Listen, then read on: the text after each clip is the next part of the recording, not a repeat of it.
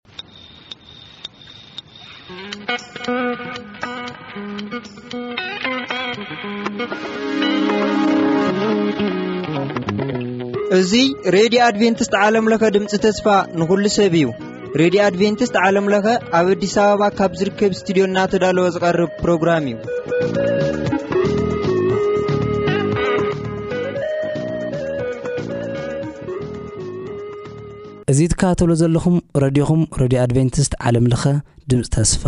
ንኹሉ ሰብ እዩ። ሕዚ እቲ ናይ ህይወትና ቀንዲ ቁልፊ ዝኾነ ናይ ቃል እግዚኣብሔር ምዃኑ ኩላትኩም ኣይትዘንግዕዎን። እስቲ ብሓባር እነዳምጽ።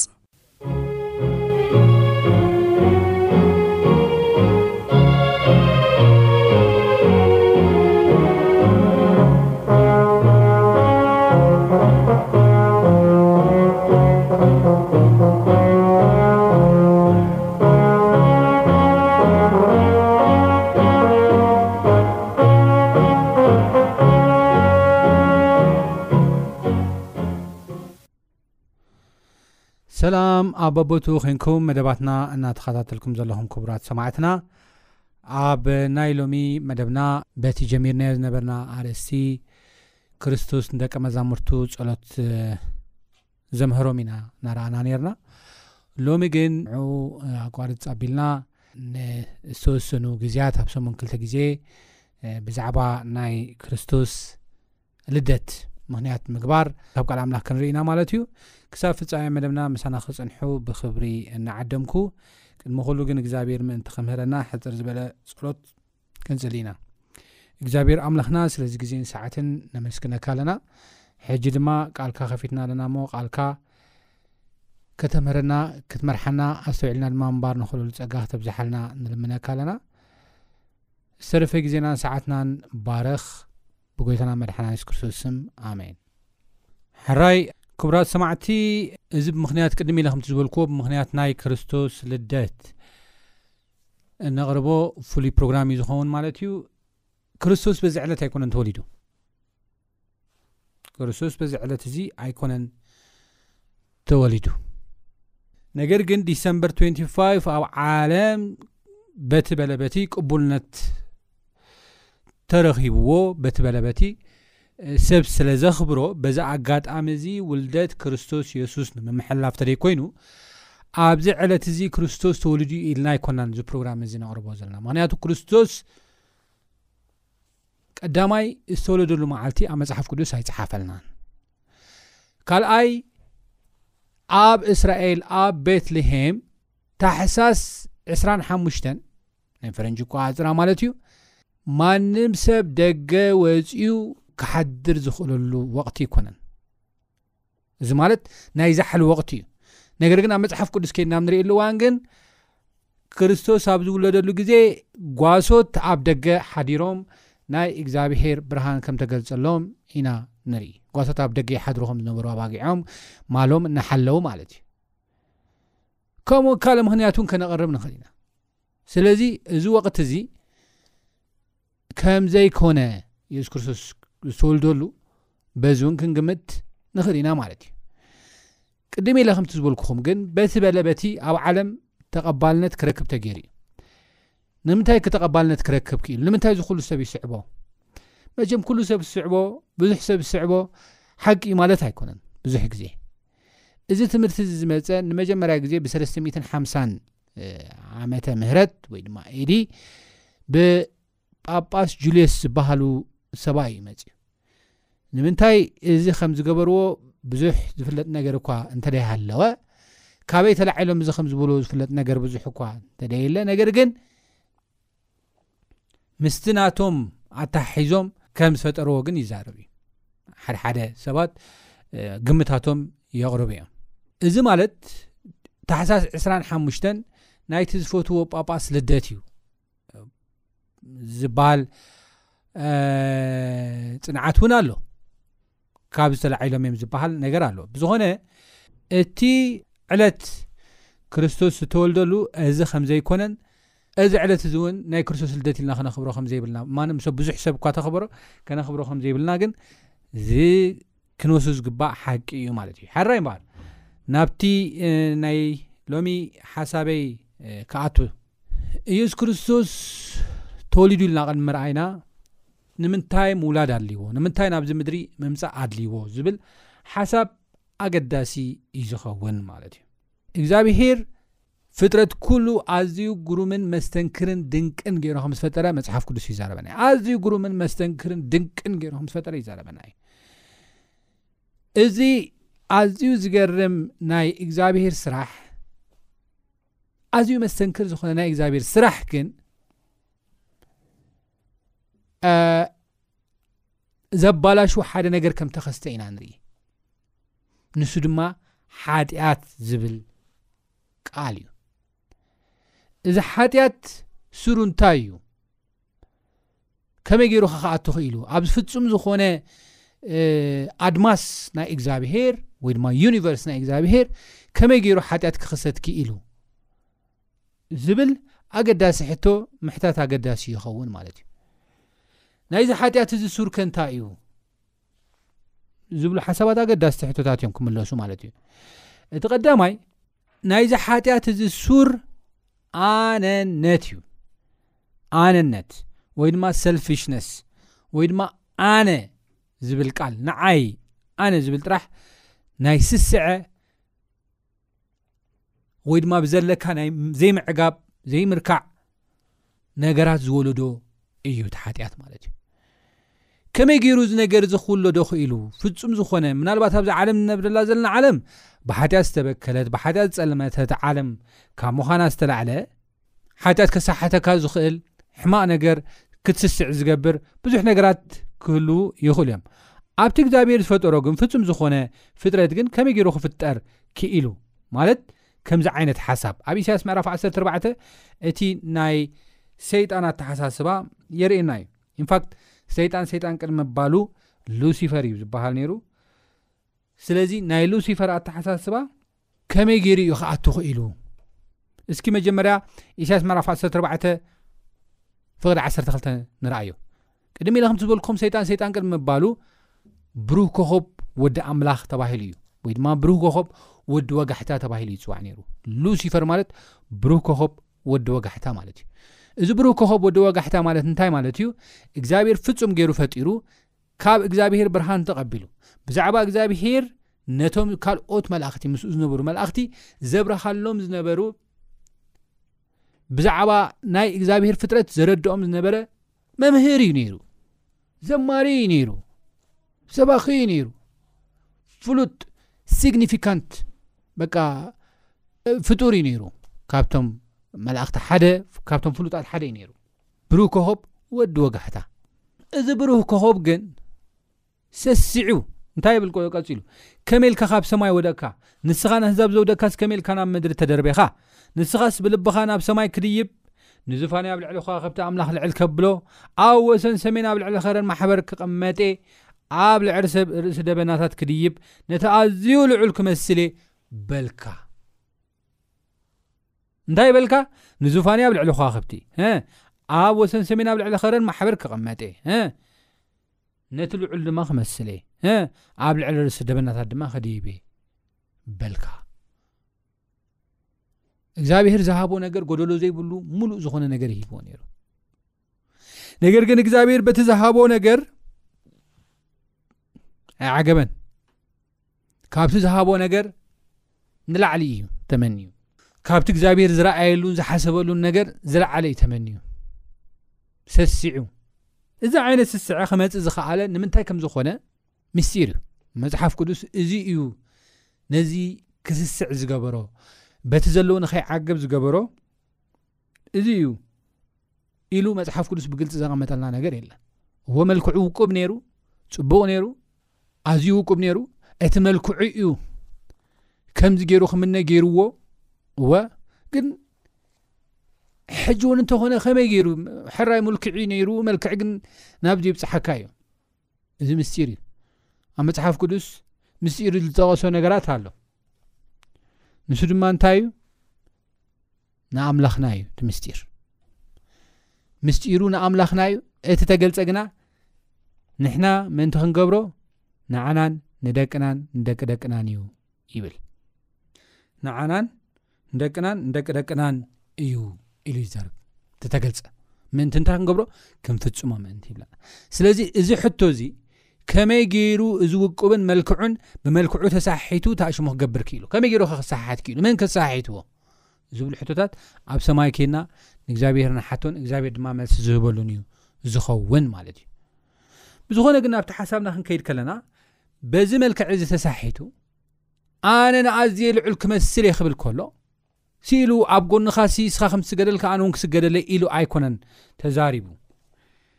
ነገር ግን እንታይ ኢሉ? ንየሱስ ክርስቶስ ቀቲለ፣ ንየሱስ ክርስቶስ ኣወጊደ፣ ንየሱስ ክርስቶስ ኣጥፊኤ እየ ኣብቲ ወንበር ክቕመጥ ዝደሊ ዝብል ነይሩ ሰይጣን። ንዑ'ዩ የሱስ ክርስቶስ ንሱ ካብ መጀመርያ ቀታሊ ነፍሲ እዩ ኢሉ ዝተዛረቦ ማለት እዩ። ቀታሊ ነፍሲ እዩ ዝበለሉ ዋና ምክንያት ቀቲሉ ኣብቲ ወንበር ክቕመጥ ስለ ዝደሊ ዝነበረ እዩ። እንታይ የብል ኣብ ዮሃንስ ወንጌል ምዕራፍ 8 ፍቕዲ 44 ከምዚ ይንበብ ንሱ ካብ መጀመርያ ቀታል ነፍሲ እዩ ይብል ልዕል ኢለ ከንብቦ ልኩም ስለምንታይ ኢኹም ዘረባይ ዘይተስተውዕሉ ቃለይ ክትሰምዑ ዘይኮነልኩም ይብሎም ነቶም ፈሪሳውያን የሱስ ክርስቶስ ክምልሰሎም ከሎ ንስኻትኩም ካብቲ ኣቦኹም ዲያብሎስ ኢኹም እቲ ትምኒት ኣቦኹም ክትገብሩ ትደልዩ ኣለኹም ትምኒት ኣቦኹም ክትገብሩ ትደልዩ ኣለኹም ትምኒት ነይርዎ ትቦኦም ነዞም ፈሪሳውያን ነዞም ንየሱስ ክርስቶስ ዝፍትንዎ ዘለዉ መን እቲ ትምኒት ዝነበሮ ዲያብሎስ እንታይ ዓይነት ትምኒት ነይርዎ ንሱ ካብ መጀመርያ ቀታል ነፍሲ እዩ ሓቂ ኣብኡ ስለ ዘየልቦ ኣብ ሓቂ ኣይፀንዐን ይብል ንሱ ካብ መጀመርያ ቀታል ነፍሲ እዩ ስለዚ ከምዚ ክብል ከሎ ክሓስብ ከሎ ንየሱስ ክርስቶስ ቀትሉ ኣወጊዱ ወረዲ ብኣእምርኡ ዝምነዮ ዝነበረ ዝሓስቦ ዝነበረን ኣወጊዱ ንሱ ኣብቲ ወንበሩ ክቕመጥ ክስገደሉ እዩ ነሩ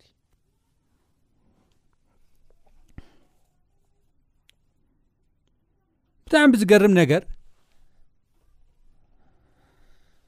ኢየሱስ ክርስቶስ እዚ ሓሳባቱ እናፈለጠ ኢየሱስ ክርስቶስ ነዚ ክፉእ ዝኾነ ትምኒቱ እናፈለጠ ግን ብሓንሳብ ክቐትሎ ኣይደለየን ዕድል ሂብዎ ርእሱ ክደሊ ርእሱ ተገንዚቡ ርእሱ መርሚሩ ክምለስ ምክንያቱ እግዚኣብሄር ኣምላኽ ሓያል ኣምላኽ እኳ እተኾነ ብሓይሊ ዝኣምን ኣምላኽ ግን ኣይኮነን በቃ ብጉልበት ከምበርኩኸ እየ ብጉልበት ከምዚ ገይረ ከጥፎ እየ እየ ብጉልበት ስርዓት ከትሕዘ እየ ብጉልበት ኣተሓሳስቦ ከቐይረ እየ ዝብል ነገር የብሉን እዚ ካብ ናይ እግዚኣብሄር መርሖ ወፃኢ እዩ ምናልባት ሕጂ ከም ሰብ ንምንታይ ዘይቀትሎ ንምንታይ ዘይጥፎ ንምንታይ ቀፂዑ ዘይመልሶ ዝብሉ ሓሳባት ክንሓስብ ንኽእል ኢና ካብቲ ናይ ሰብ ኣተሓሳስባና ካብ ዝገርም ግን እግዚኣብሄር ብሓይሊ ዝኣምን ኣምላኽ ኣይኮነን ሓያል እዩ ኩሉ ዝኽእል እዩ ምንም ዝሰኣኖ ነገር የለን ኣብ ትሕቲ እዩ ይኹሉ ብስትንፋሱ ይፈጢርና ኩላትና ብ ኢዱ ኢና ነገር ግን ብሓይሊ ዝኣምን ኣምላኽ ኣይኮነን ዕድል እዩ ሂብዎ ዕድል እዩ ሂብዎ ነገር ግን ሰይጣን በቲ እግዚኣብሄር ዝሃቦ ናይ ንስሓ ዕድል ኣብ ክንዲ ምምላስ ርእሱ መርሚሩ ተጋግየ ኣብ ክንዲ ምባል እቲ ናቱ ዘይምዕጋብ እቲ ናቱ ጥርጣሬ ኣብ ኣምላኽ ዘለዎ ጥርጣሬ ኣብ ካልኦት ኣእምሮ እውን ከስርፅ ከም ዝጀመረ ኢና ንርኢ ዘይምዕጋብን በቲ ዘለካ ድማ ዘይምስጋንን ኣብ እግዚኣብሄር ምጥርጣርን ኣብ ካልኦት ከስርፅ ከም ዝጀመረ ኢና ንርኢ እዚ ዘስርፆ ዝነበረ ሓሳብ ግን ሓቂ ኣይኮነን ከምቲ ቅድሚ ኢልና ዝረኣናዮ ኣብ ዮሃንስ ወንጌል ምዕራፍ 8 ፍቅዲ 44 ሓቂ ኣብኡ ስለ ዘየለ ኣብ ሓቂ ኣይፀንዐን እዩ ዝብለና ሓቂ ውኢነበረን ብሓሶት እዩ ዘታልል ነይሩ ብሓሶት እዩ ኣብኦም ጥርጣረን እንደገና ድማ ብዘለካ ዘይምዕጋብን ዝመልኦም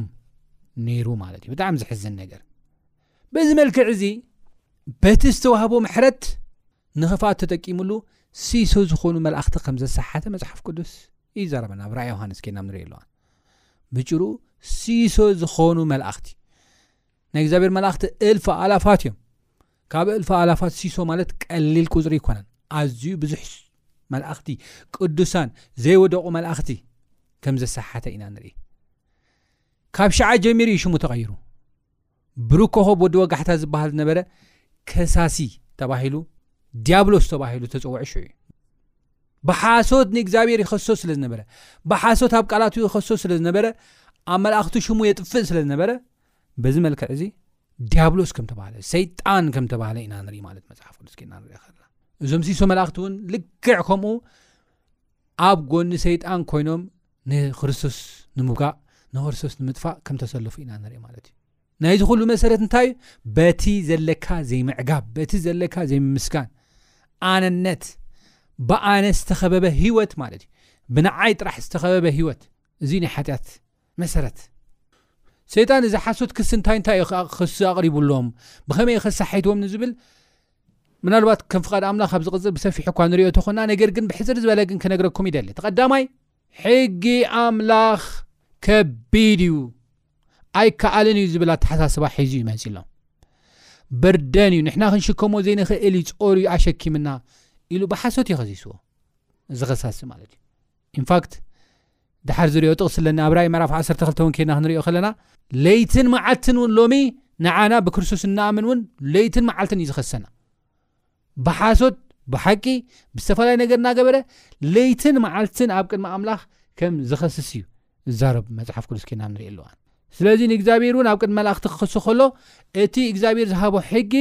ብፍፁም ዝከኣል ኣይኮነን ኢሉ ይዛረብ ከም ነበረ ኢና ንርኢ በዚ ከዓ ንተማላኽቶም ዝተሰሓቶም ኢና ንርኢ እቲ ካልኣይቲ ዝተሰሓተሉ ዋና ምክንያት ድማ ባህሪ ኣምላኽ እዩ እግዚኣብሄር ፈሊጡ እዩ ንዓና ንክንግዝኦ ኢሉ ዩ እምበር ናቱ ሰናይ ነገር የብሉን ንዓና ዝሰናይ ነገር ሓሲቡ ኣይኮነን ኢሉ ከም ዝኸሰሶ ድማ እዩ ንርኢ ስለዚ እግዚኣብሄር ባህሪኡ ሲ ፍቕሪ ኣይኮነን እናበለ ይሰብኽ ከም ዝነበረ እቲ ሰይጣን እዩ ዝዛረበና። ሳልሳይ ንሕና ከም ኣምላኽ ዘይንኾነሉ ምክንያት እንታይ ኣሎ? ዓቕሚ ኣለና፣ ኩሉ ነገር ኣለና፣ ከም ኣምላኽ ዘይንኾነሉ እንታይ ነገር ኣለና ኢሉ ከም ዘስሓቶም ነተን መላእኽቲ ኢና ንርኢ ማለት እዩ። በዚ ሲሶ ዝኾኑ መላእኽቲ ከም ዝሰሓቱ ኢና ንርኢ። ሲሶ ዝኾኑ መላእኽቲ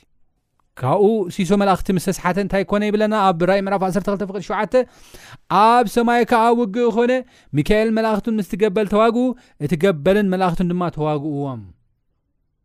ኣይሰዓርዎምን ከዓ ድሕሪ ስፍርኦም ከዓ ኣብ ሰማይ ኣይተረኽበን እቲ ንብዘላ ዓለም ዘስሕታ ዘሎ ዲያብሎስ ሰይጣን ዝበሃሉ ዓብዪ ገበል እቲ ናይ ጥንቲ ተመን ተደርበ ናብ ምድሪ ተደርበ መላእኽቲ እውን ምሱ ተደርበ ይብለና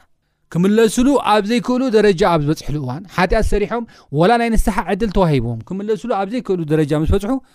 ከም ተደርበ ኢና ንርኢ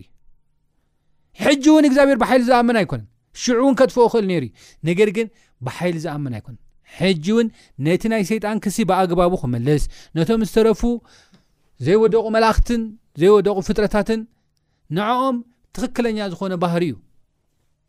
ክገልጽ ድሌት ስለ ዝነበሮ እግዚኣብሄር ንሰይጣን ከም ዘይጥፎ ኢና ንርኢ ሰይጣን ዘይምጥፉ ብዙሕ ዕንወት ደምፂ እዩ እወ ብዙሕ ሰብ ደጠፍእ ኣሎ እወ ነገር ግን ልዕሊኡ ከዓ ብዙሕ ሰብ ይድሐን ኣሎ እዩ መፃኢ ህይወት ድማ ውሑስን ጥርጣሬ ዘይብሉን ብእምነት ዝተመልአን ከዓ ገብረሉ እዩ እግዚኣብሄር ካብኡ ብዝለዓለ ማለት እዩ እዚ ኢና ክንሓስብ ዘለና ዲያብሎስ ሕጂ እውን ከምቲ ልሙድ እንታይ ይገብር ኣሎ ቅድም ኢለ ከምቲ ዘንበብኩ ኣብ ራይ መራፍ 12 ፍቅዲ 1 እቲ ለይትን መዓልትን ኣብ ቅድሚ ኣምላኽና ዝኸሶም ዝነበረ ከሳስ ኣሕዋትና ተደርብዩ እዩ ብክርስቶስ ተደርብዩ ኣብቲ ስቕለት እውን ተደርብዩ እዩ እንደገና ኣብ ሰማይ እውን ተደርብዩ እንደገና ክርስቶስ መፂኡ ከዓ ኣብዚ ብዛዕባ ኣቦ መጺኡ ክትርኽ ከሎ ኣቦ እንታይ ዓይነት እዩ ዝመስል ፍቕሪ ድዩስ ወይስ ጨካን እዩ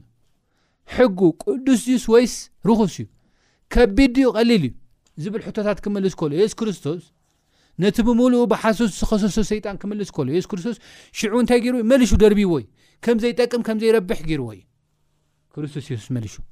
ክልተ ሻዕ። ነገር ግን ሕጂ ውን ተደርብዩ ስቅ ኣይበለን ካብ ኣዳምን ሄዋንን ጀሚሩ still now ይኸስስ ከም ዘሎ ካብ ኣዳምን ካብ ሄዋንን ጀሚሩ እንደገና ክሳዕ ሕጂ ስርሑ ይሰርሕ ከም ዘሎ ንሰብ ኣብ ምስሓት ንሰብ ኣብ ምግጫው ደቂ ሰባት ትኽክለኛ ናይ ኣምላኽ ፍቕሪ ንኸይርድኡ ኣብ ምግባር ዓብይ ዓብይ ዝኾነ ስራሕ ይሰርሕ ከም ዘሎ ኢና ንርኢ ማለት እዩ እቲ ዋና ዓላምኡ እንታይ እዩ? ክስገደሉ ይደሊ እዩ። ነቲ ኣዝዩ ልዑል ክመስል ይደሊ እዩ። ነገር ግን መጽሓፍ ቅዱስ እንታይ እዩ ዝብሎ ዘሎ? ንስኻ ፍጡር ኢኻ፣ ኣምላኽ ኣይኮንካን፣ ፈጣሪ ኣይኮንካን እዩ ዝብሎ ዘሎ። ስግደት ዝግብኦ ኣምልኾ ዝግብኦ ኣብ ራእይ ምዕራፍ 14 ፍቕዲ 67 ከም ዝብለና ኣምላኽ እዩ ፈጣሪ እዩ ነቲ ካብ ዘይነበረ ናብ ንቡር ዘምፀ ነቲ ልዑል ናይ ኣድማስ ብምሉኡ ናይ ዩኒቨርስ ኩሉ በዓል ቤት ዝኾነ ዋና ዝኾነ ንኣምላኽ እዩ ስግደት ዝግብኦ ይብለና ራእይ ምዕራፍ 14 ከንብብ ይደሊ ብብርቱዕ ድምፂ ከዓ ዝፈርደላ ግዜ በፂሓ እሞ ንኣምላኽ ፍርህዎ ክብሪ እውን ሃብዎ ነቲ ሰማይን ምድርን ባሕርን ዓይኒ ማያትን ዝገበረ ስገድሉ ይብለና ስግደት ዝግብኦ ንእግዚኣብሄር እምበር ንፍጡር ኣይኮነን ሎሚ ሰባት ይርኤ ናይ ክብሪ ስግደት ናይ ኣምላኽ ስግደት እናበሎ ክፈላልኡ ከሎ ይርኤ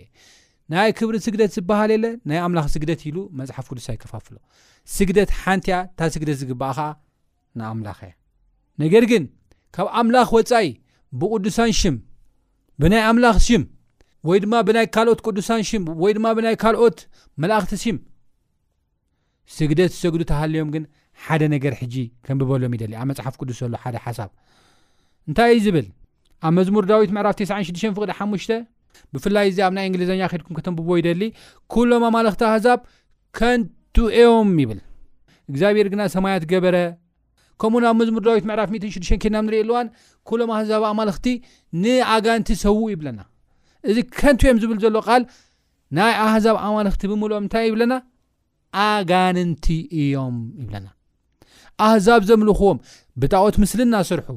ብመላእኽቲ ይኹን ብቕዱሳን ተሸፊኖም ክምለኹ ዝደልዩ ተሃልዮም ንሶም ኣጋንንቲ ክልተ ኣምላኽ ዝበሃል የለን ኣርባዕተ ሓሙሽተ ሸውዓተ ዝኾኑ ኣምላኽ ዝበሃል የለን ሓደ ኣምላኽ ጥራሕ እዩ ዘሎ ኣምላኽ ክኸውን ዝደሊ ክስገደሉ ዝደሊ ከኣ ሓደ ከኣ ኣሎ ንሱ ድማ ዲያብሎስ እዩ ምስ መላእኽቱ ማለት እዩ ስለዚ ንሕና ንእግዚኣብሄር እንተ ደኣ ደየምሊኽናዮ እቲ ካልእ ክንሰግደሉ ዘለና ወይ ንኣጋንቲ እዩ ወይ ድማ ነቲ ዲያብሎስ ነቲ መስሓቲ ነቲ ከሳሲ ሓዋት እዩ ማለት እዩ ነዚ መፅሓፍ ቅዱስ ኩሎም ኣማለኽቲ ኣህዛብ ከንቲዮም ዝብሎ ማለት እዩ ወይ ድማ ኣጋንንቲ እዮም ኢሉ ኣብ መዝሙር ዳዊት ምዕራፍ ቲስዓን ሽዱሽተን ፍቕዲ ሓሙሽተ ዝዛረበና ማለት እዩ። ብምቕጻል እቲ ሕጂ ኣብዚ ግዜ እዚ ዘለናሉ ብሓያል ኩነታት ኣብ ከቢድ ስራሕ ተጸሚዱ ዘሎ ድያብሎስን መላእኽቱን ነዛ ዓለም እዚኣ ብሓጢኣት ንኽትጽልምት ጌሮማ እዮም። ብሓጢኣት ንኽትጽልምት ገይሮማ እዮም ኣብ ሓጢኣት ዓዘቕቲ ኣብ ሓጢኣት ጭቃ ንኽትወድቕ ገይሮማ እዮም ማለት እዩ በዚ ሓጢኣት እዚ እውን ብዙሕ ስቓይን ብዙሕ መከራን ብዙሕ ጥፍኣትን ብዙሕ ውድመትን ክመፅእ ገይርዎ እዩ ማለት እዩ ነዚ ኣብ ዓለም ዝኣተወ ሓጢኣት መፍትሒ ክርከበሉ ስለዘይተኻእለ ብገንዘብ ኮነ ብሃብታማት ኮነ ብጠቢበኛታት ኢና ዝብሉ ዘለዉ ሰባት ተኾነ ምንም መፍትሒ ክመጸሉ ስለዘይከኣለ እግዚኣብሄር ነዛ ዓለም እዚኣ ነዞም ዝጠፍኡ ሰባት ንኸድሕን ሓደ ወዱ ንመልኣኽ ከም ዝወሰነ ኢና ንርኢ እዚ ውሳኔ እዚ ግን ሓጢኣት ምስ ኣተወ ልክዕ ከምዚ ኩላትና ንገብሮ ዎ ጠፊኣ ኣላ እዛ ዓለም እዚኣ ስለዚ እዚኣ ኮይና ኣላ እዚ ከምዚ ኮይኑ ኣሎ ስለዚ ወደይ ክሰድድ ኣለኒ ኢሉ ዝሰደዶ ኣይኮነን። እዚ ንቅድሚ ዘመናት ብምሉ ተሰዊሩ ዝነበረ ናይ እግዚኣብሔር ፍቕርን ተሰዊሩ ዝነበረ ናይ እግዚኣብሔር ምሕረትን እዩ ተገሊጹ። ሕጂ ካልኩሌት ተገይሩ እስቲ ንተኣከብ ተባሂሉ ተኣኪቡ ዝተዘርበ ነገር ኣይኮነን። ቅድሚ ዘመናት ተኸዚኑ ዝነበረ ናይ እግዚኣብሔር ፍቕሪ ንሱ እዩ ረቪል ኮይኑ ንሱ እዩ ተገሊጹ ዝብጆ ፍቅሪ ዘድሕን ፍቅሪ ዘናግፍ ፍቅሪ ንሱ እዩ ተገሊጹ ነዚ እዩ ኣብ ቀዳማይ ጴጥሮስ ኮነ ኣብ ራእይ ዮሃንስ ከምኡ ናብ ኤፌሶን ከድናም ንርኢ ኣለዋን ቅድሚ ምስራት ዓለም ክርስቶስ ከም ዝሞተ ይዛረበና ማለት ብሓሳብ ኦረዲ ተሰዊ የሱስ ክርስቶስ ድሓር ኣብ ግዜኡ መፅኡ ድማ ቅድሚ 2ልተ00 ዓመት ድማ እንታይ ሽምም ዝገበረ ኢና ኣብ መስቀል ከም ተሰቕለ ኢና ንርኢ ግን እዚ ቅድሚ ክልተ ሽሕ ዓመት ዝተወሰነ ዘይኮነስ ቅድሚኡ ቅድሚ ምስራት ዓለም ዓለም ንባዕሉ ከይተፈጥረት ብኣምላኽ ዝተመደበ ነገር እዩ ነይሩ ማለት እዩ ብጣዕሚ ዝገርም ነገር ማለት እዩ ስለዚ ናይ ውልደቱ ምስጢር ናብዚ ዓለም ናይ ምምፅኡ ምስጢር እቲ ዋና ዓላማ ንዓና ንምድሓን እንትኸውን ካብዚ ተወሳኺ ከዓ ባህሪ ኣምላኽ ንምግላጽ እዩ ባህሪ ኣምላኽ ንምግላጽ እዩ እግዚኣብሄር ንምትራኽ እዩ ክሲ ሰይጣን ብምልኡ ከንቱ ንምግባር እዩ ናይ ዲያብሎስ ስራሕ ንምፍራስ እዩ ወዲ ኣምላኽ ስራሕ ዲያብሎስ ንኸፍርስ ዝተገልጸ እዩ ዝብለና እቲ ኣብ ሰብ ኣእምሮ ዝፈጠሮ ብምሉ ብዛዕባ እግዚኣብሄር ብዛዕባ ሕጉም ብዛዕባ ቃሉን ብምሉ ከፈራርሶ እዩ መፅ ቀጺሉ እቲ ሳልሳይ ዕላማ ከኣ ከይድና ኣብ ንርእየሉ እዋን ለውለስነስ ወይ ድማ ህገ ጠልነት እንብሎ ህገ የለሽነት እንብሎ ሕጊ ኣልቦነት እንብሎ ነገር ካብ ኣድማሱ ካብቲ ፍጥረቱ ብምሉእ ካብ ዩኒቨርስ ብምሉእ ንኸፅሪ እዩ ምክንያቱ ሰይጣን ከምዚ ገይሩ ብምክሳስን ከምዚ ገይሩ ናይ ሓሶት ዘረባታት ብምዝራብን ኣብ ዩኒቨርስ ዝፈጠሮ ነገር ተሃለወ እንታይ እዩ ሕገ ኣልቦነት እዩ ዓለምና ውን ሕጂ ናበይ እያ ትኸይድ ዘላ እንተ ኢልኩም ሕገ ኣልቦነት እዩ ሰብ ኩሉ ከም ድላየ ክገብር ኣለኒ ከም ድላየ ክገብር ኣለኒ ዝተታሓዘ ኣይኮነን ሕገ ኣልቦነት እዩ ሰፊኑ ዘሎ ሕገ ኣልቦነት ስለ ዝሰፈነ ከዓ ዕንወት ሕገ ኣልቦነት ስለ ዝሰፈነ ድማ ጥፋኣት ሕገ ኣልቦነት ስለ ዝሰፈነ ድማ ሞትን ውድመትን ከም ዝመፀኢና ንሪኢ ኣሰቃቂ ዝኾነ ማለት እዩ ስለዚ ነዚ ሕጊ ኣልቦነት ንኸጥፍእ ሕጊ ኣብ ዩኒቨርስ ብምሉኡ ድማ ንኸኽብር ጎይታና መድሓና የሱስ ክርስቶስ ከም ዝመፀ ኢና ንሪኦ ማለት እዩ ስለዚ ዓብ ፍቕሪ እዩ ንባዕሉ ምምፅኡ የሱስ ክርስቶስ ዓብይ ፍቕሪ እዩ ኣርእና ብኸመይ ክትብሉ ትኽእሉ ሰብ ንዝፈትዎ ምናልባት ንትፈትዎ ወይ ድማ ፅቡቅ ንዝገብረልኩም ሰብ ወይ ድማ ገዛ ዝሰርሓልኩም መኪና ዝሃበኩም ኮይታስ ብዙሕ ነገራት ዝሃበኩም ሰብ ምናልባት ሰብ ክመውት ይኽእል ይኸውን ይብል መፅሓፍ ቅዱስ ኣብ ዮሃንስ ወንጌል ከና ንሪኦ ኣለዋ ነገር ግን ስለ ፀላእቱ ግን ክመውት ዝደፍር ማንም እኳ የለን እዩ ኣብ ዓለም ማንም ኣብ ዓለም ጥራሕ ዘይኮነ ኣብቶም ዘይወደቑ መላእኽታት እውን ስለ ዝፀልእዎ ዝመውት ማንም የለን እቲ እናፀላእናዮ ካብ መንገዲ ወፂና ሕጊ ኣልቦነት ኮይና ኣብ ሓጢኣት ዓዘቕቲ ባዕልና ውሽጢ ኣቲና መውፅእ ሲኢና ንፋናጠር ዘለና ሰባት ንኸድሕን ዝመፀ ግን እግዚኣብሔር ጥራሕ እዩ እዚ ከዓ ዝገልፆ ዓብ ፍቕሪ እዩ ኢየሱስ ክርስቶስ ከዓ ክመፅእ ከሎ ክዛረበና ከሎ መፅሓፍ ቅዱስ ማዕረ ኣምላኽ ምዃኑ ከም ምንዛዕ እኳ ኣይቆፅሮን ማዕረ ኣምላኽነቱ ገዲፉ ኣኽልል ገዲፉ እቲ በትረ መንግስቱ ገዲፉ ንዓና ንምድሓን ከም ዝመፀ ኢና ንርኢ እዚ ጥራሕ ግን ኣይኮነን ክመጽእ ከሎ ንሕና ንዘለዓለም ህይወት ንክንነብር ነገር ግን ንሱ ንዘለዓለም ንክጠፍ እዩ ምክንያቱ ሓጢኣት ዘኽፍሎ ዋጋ ናይ ሰለስተ መዓልቲ ጥራሕ ዘይኮነስ ናይ ዘለዓለም ሞት እዩ ዘኽፍሎ ዋጋ እንታይ እዩ ዝብለና መፅሓፍ ቅዱስ ሮሜ ምዕራብ 6 ፍቅሪ 23 ዓስቢ ሓጢኣት ሞት ይብለና እዚ ሞት እዚ ናይ ሰለስተ መዓልቲ ሞት ወይ ድማ ናይ ሱሳ ዓመት ሞት ጥራሕ ኣይኮነን ናይ ዘለዓለም ሞት እዩ ድምንሽ ምጥፋእ ናብ ሓመኩሽቲ ምቕያር ማለት እዩ ሚልክያስ ምዕራፍ ኣርባዕተ እውን ተጠቒሱ ኣሎ ራእይ ምዕራፍ ዕስራ እውን ተጠቒሱ ኣሎ ራእይ ምዕራፍ ዕስራን ሓደን እውን ተጠቒሱ ኣሎ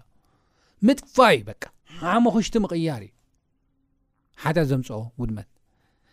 ስለዚ እዚ ነገር እዚ ንኸጥፊ የሱስ ክርስቶስ ንዓና ንኸድሕን እዩ ናብዚ ምድሪ እዚ መፅእ ማለት እዩ ስለዚ የሱስ ክርስቶስ ናይ ሓጢኣት ዋጋና ንኸፍል ክመፅእ ከሎ ንሱ ንዘለኣለም ሞይቱ ንዘለኣለም ጠፊኡ ንሕና ንዘለኣለም ንክንነብር እዩ ነሩ ኳልኩሌሽን እዚ ምምጽኡ ጥራሕ ንባዕሉ ፍቕሪ ኣምላኽ ዝገልጽ ናይ ሰይጣን ፍሕሶ ከኣ ሃደሽደሽ ዘብል እዩ። ንዑ እዩ ጳውሎስ ኣብ ቆላሳስ ምዕራፍ ክልተ ፍቕዲ ዓሰርተ ኣርባዕተ ኸይናም ንርእየሉዋን እቶም ናይ ጸላእቲ መሳርያታት ብምሉኡ ገፊፉ ከንቱ ገበሮም ዝብለና ኣብ ቆላሳስ ምዕራፍ ክልተ ፍቕዲ ዓሰርተ ሓሙሽተ ብፍላይ ኬናም ንርእየሉዋን ማለት እሞ እዚ ፍቕሪ ዝኾነ ኣምላኽና ሕጂ ውን ናብዛ ዓለም ብምምጽኡ ብርሃን ስለ ዝገበረና ነዛ ብሓጢኣት ጸልሚታ ዝነበረት ዓለም ኣዝዩ ንኽትበርህ ተስፋ ንኽህልዋ ስለ ዝገበረልና እግዚኣብሔር ጸጉ የብዝሓልና እናበልና ኣብ ዝቐጽል ናይ ዝመቐጸልታ ሒዘልኩም ክቐርበ ክሳብ ዝቐጽል ሰላም ኩኑ ጎይታ ይባረኩም